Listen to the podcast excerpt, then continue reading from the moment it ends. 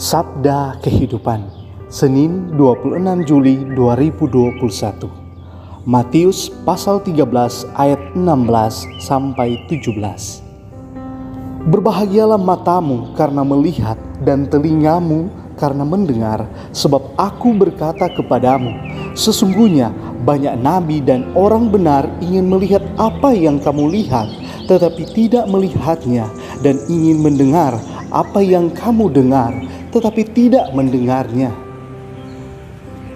Berbahagialah kita yang menerima anugerah dari Tuhan melalui pembaptisan tiga keutamaan ilahi ini: iman, harap, kasih akan Kristus. Ketiga keutamaan ini memampukan kita untuk melihat dan mendengar jauh melampaui apa yang terlihat oleh mata dan terdengar oleh telinga. Oleh karena itu, sabda Yesus Berbahagialah matamu karena melihat dan telingamu karena mendengar adalah untuk kita yang percaya pada Yesus, berharap padanya, dan mencintainya dengan segenap jiwa dan raga. Berbahagialah kita yang oleh iman dapat melihat di balik kehinaan salib, cinta dan pengorbanan Tuhan yang tak terhingga bagi kita. Berbahagialah kita yang oleh pengharapan yang teguh membuat kita tidak putus asa, menghadapi persoalan dan derita yang terberat sekalipun.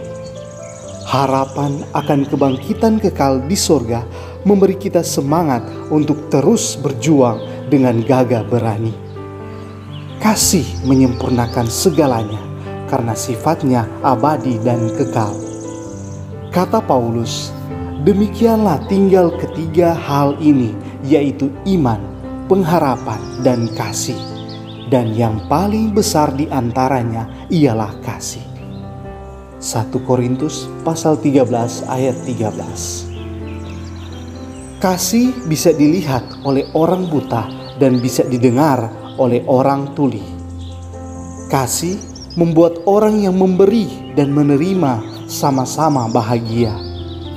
Hidupkan terus iman, harap, kasih kita kepada Tuhan Kiranya sabda bahagia Yesus ini menjadi milik kita.